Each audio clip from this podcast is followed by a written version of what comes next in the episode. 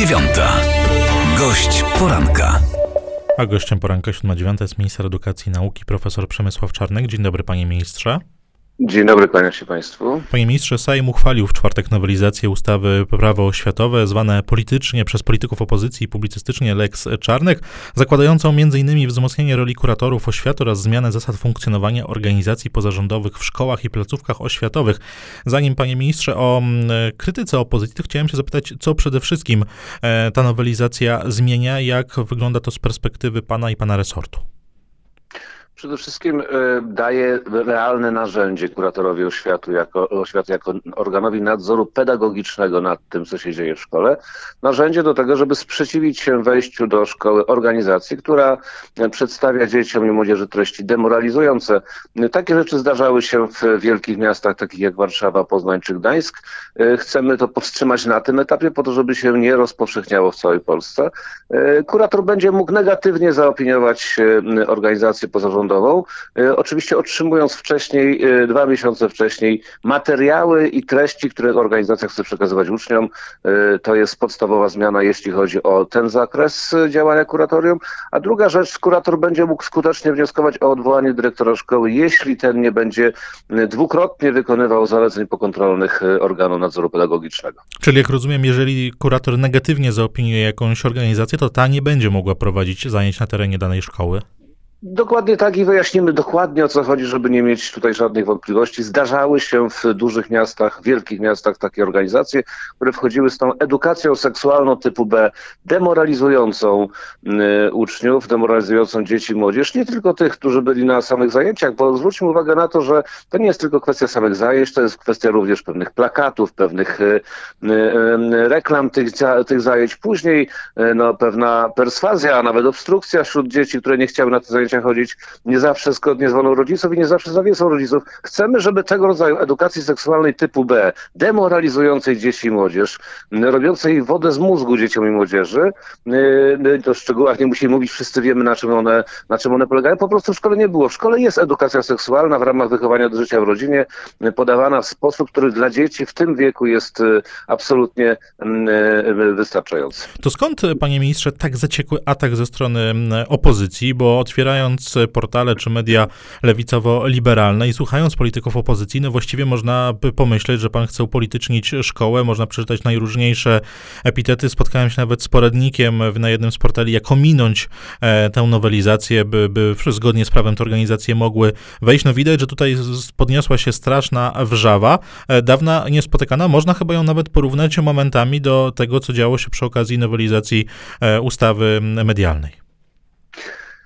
Wrzawa jest absolutnie dowodem na to, że trafiliśmy w dziesiątkę z naszym przepisem. To jest wrzawa tych organizacji lewackich, lewicowo-liberalnych, e, neomarksistowskich, które dokonały skutecznego pochodu rewolucyjnego w wielu miejscach na uczelniach wyższych, w wielu miejscach w instytucjach kultury. Nie do końca udało się to jeszcze w szkołach podstawowych i ponadpodstawowych. I teraz ten przepis stopuje ich pochód rewolucyjny neomarksistowski przez te właśnie, przez te właśnie placówki oświaty. Jeśli nie będą mieli dostępu bezpośredniego do naszych dzieci i młodzieży, nie będą mogli manipulować dziećmi i młodzieżą i dlatego taki krzyk i taka wrzawa, bo przecież jaki jest problem, zapytajcie Państwo sami siebie, jaki jest problem, żeby organizacja pozarządowa, która chce wejść do szkoły, przedstawiła wszystkim, łącznie z kuratorem, do publicznej wiadomości materiały, jakie chce przekazywać dzieciom. To ja uważam, że problemem jest dzisiaj fakt, że nie przedstawia tych materiałów, wchodzi z czymś, o czym my nie mamy pojęcia y, jako rodzice, y, y, więc chcemy, żeby rzeczywiście rodzice mieli prawo do wychowania dzieci zgodnie ze swoim światopoglądem. W tym celu chcemy, żeby każda organizacja, poza harcerskimi, tu są zwolnione harcerskie organizacje, przedstawiała materiały, które chce przedstawić dzieciom. I stąd ten krzyk, bo dzisiaj się okaże, że są niektóre organizacje, które po prostu demoralizują dzieci, a państwo ma obowiązek konstytucyjny chronić dzieci przed demoralizacją. To jest wprost napisane w Konstytucji Rzeczypospolitej Polskiej. A co do odpolitycznienia, no proszę zwrócić uwagę, kto upolitycznia szkoły. Upolitycznia szkoły na przykład Rafał Trzaskowski, który wykorzystując Librusa i narzędzia edukacyjne i dyrektorów szkół w Warszawie przesyła do rodziców list o charakterze stricte politycznym, stricte politycznym. Więc dzisiaj fakt, że kurator będzie mógł reagować na tego typu niezgodne z prawem działania dyrektora i wykonywać zalecenia pokontrolne, które będą konieczne do wykonania, no powoduje, że my odpolityczniamy szkoły i znów jest krzyk kogo? No tych właśnie z Platformy Obywatelskiej w dużych miastach. E, panie ministrze, zmieniając nieco temat, by porozmawiać o tych rzeczach, które są ważne dla rodziców, dla uczniów, rozpoczęły się dzisiaj ferie w części województw.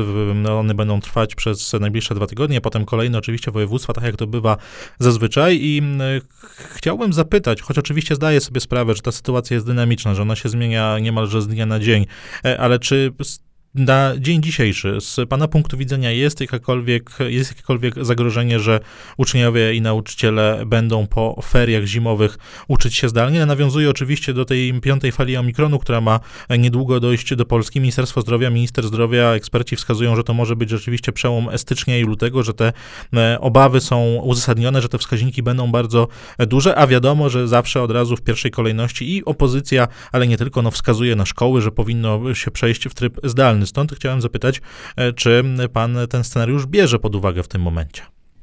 Przypomnę dane Głównego Inspektora Sanitarnego, który wskazuje, że 10% zarażeń w Polsce pochodzi z ognisk, 30% ognisk jest w szkole, a zatem 3% zarażeń pochodzi, czy zakażeń pochodzi ze szkoły. Więc nie twórzmy ze szkoły e, miejsca, w którym zarażamy się bardziej i więcej niż w innych miejscach, takich jak galerie, kina e, czy, e, czy sklepy. To jest takie samo miejsce kontaktu jak każde inne, nawet bardziej bezpieczne, bo te rzeczywiście zabezpieczenia, dezynfekcja, E, ten mierzenie temperatury tutaj daje swoje, e, daje swoje efekty. Oczywiście, że jest zawsze zagrożenie, bo ja nie jestem w stanie przewidzieć, co będzie z omikronem za dwa tygodnie, a już tym bardziej, co będzie za półtora miesiąca. Więc jesteśmy w ścisłym kontakcie z panem ministrem Niedzielskim, który, powtarzam, tak jak ja, tak i pan minister Niedzielski, tak i pan premier, jesteśmy absolutnie zwolennikami nauki stacjonarnej, bo wiemy, jakie szkody wyrządza nauka zdalna. Natomiast jeśli byłaby konieczność, tak jak przy drugiej i trzeciej fali, bo system ochrony zdrowia byłby rzeczywiście już u progu swojej wytrzymałości, z uwagi na atak Omikrona, no to będziemy podejmować również i takie decyzje. E, na razie ich nie przewiduję, nie przewiduję ich w perspektywie dwóch tygodni, e, nie przewiduję tym bardziej w ciągu półtora miesiąca, bo nie wiem, co będzie za półtora miesiąca. Oczywiście czas e, płynie szybko i też sytuacja zmienia się dynamicznie. To panie ministrze, czy chciałem na koniec poruszyć temat szczepień wśród nauczycieli? Czy rozmawiał już pan może z ministrem zdrowia na temat tego, czy nauczyciele będą musieli obowiązkowo się szczepić, czy też nie? Ja jestem w pełnym kontakcie z panem ministrem zdrowia, jestem osobą trzykrotnie zaszczepioną już od listopada, również przeciwko grypie. Wszystkich zachęcam do szczepień na tyle skutecznie, że wśród nauczycieli poziom zaszczepienia sięga 80, nawet 5%, jak dzisiaj szacunki pokazują. Myślę, że jeśli mamy rozwiązać problem zakażeń i problem koronawirusa e, i, i pandemii i e, tych e, ilości hospitalizacji i śmierci, niestety zgonów, to powinniśmy skupić się na zaszczepieniu innych grup, które są zaszczepione zdecydowanie w mniejszym zakresie niż nauczyciele tylko 15% nauczycieli nie jest zaszczepionych, ale też powtarzam panu ministrowi wszystkim, to moje stanowisko jest znane, jeśli miałoby to wyglądać w ten sposób, że kto od 1 marca nie jest zaszczepiony, to nie może pracować w, czynnie w, w szkole, no to e, stracilibyśmy kilkadziesiąt tysięcy nauczycieli w moim przekonaniu, według moich szacunków. Systemu oświaty na to nie stać, żeby od 1 marca odeszło kilkadziesiąt tysięcy nauczycieli z, z naszych szkół. Panie ministrze, a czy to nie jest trochę tak, że te szczepienia, bo pamiętamy, że nauczyciele i nauczyciele akademicy byli szczepieni w, tej, e, w tym pierwszym rzucie. Tak. Rzeczywiście, czy to nie miało być tak, że te szczepienia miały zagwarantować pracę de facto stacjonarną, bo choć nauczyciele i wykładowcy akademicy rzeczywiście się szczepili i szczepili się um, liczebnie, jak zresztą sam przed chwilą powiedział pan minister, 85% nauczycieli jest zaszczepionych, a jednocześnie przecież pra, praca zdalna, znaczy nauczy, nauczanie zdalne trwało dosyć długo, tak na uczelniach wyższych, jak i w szkołach, więc czy to nie było trochę postawienie sprawy na głowie? Zmierzam do tego, że skoro tak duży poziom wyszczepienia jest wśród nauczycieli, no to teoretycznie można by było mm, oczekiwać, wydaje się, z punktu widzenia państwa i społeczeństwa, także patrząc na więzy międzyludzkie, że to mm, nauczanie stacjonarne rzeczywiście powinno mieć priorytet. No i ma priorytet i od 1 września, a w zasadzie od połowy kwietnia ubiegłego roku jesteśmy cały czas w trybie stacjonarnym poza trzema dniami przed świętami, trzema dniami po świętach. To też jest e, zasługa pana ministra Niedzielskiego, który we współpracy ze mną przygotował taki harmonogram. Przypomnę, było ponad pół miliona podpisów dzieci, młodzieży inspirowanych przez opozycję, żeby nie wracać do szkoły jeszcze przed wakacjami na cały miesiąc, koniec maja i cały czerwiec, a myśmy to jednak zrobili. Głównie dlatego, że zaszczepili się właśnie nauczyciele w liczbie, w liczbie bardzo dużej. No, a to, że wcześniej nie wrócili do nauki stacjonarnej, no, takie były okoliczności drugiej i trzeciej fali, która jak, jak pamiętamy rzeczywiście w szpitalach robiła ogromne spustoszenie. Kończąc... W tym sensie spustoszenie, że, że postawiła służbę zdrowia rzeczywiście na skraju wydolności. To kończąc, panie ministrze, ja wiem, że uczelnie wyższe mają autonomię i to daleko idącą, a czy nie jest trochę tak być może, że część uczelni, część kadry akademickiej, także studentów po prostu z wygody preferuje pracę zdalną zamiast y, nauki stacjonarnej? Ależ oczywiście, że tak jest, dlatego zawsze apeluję w ramach autonomii uczelni o brak bojaźliwości, bo brak nauki stacjonarnej powoduje również e, e, utratę wspólnoty akademickiej, która psuje uniwersytety, więc apeluję o mniej bojaźliwości, e, a więcej rozsądku oczywiście trzeba dużo, natomiast więcej nauki stacjonarnej na uczelniach jest konieczne. I tu stawiamy kropkę. Moim i Państwa gościem był minister edukacji i nauki profesor Przemysław Czarnek. Bardzo dziękuję za rozmowę, panie ministrze. Dziękuję, kłaniam się Państwu.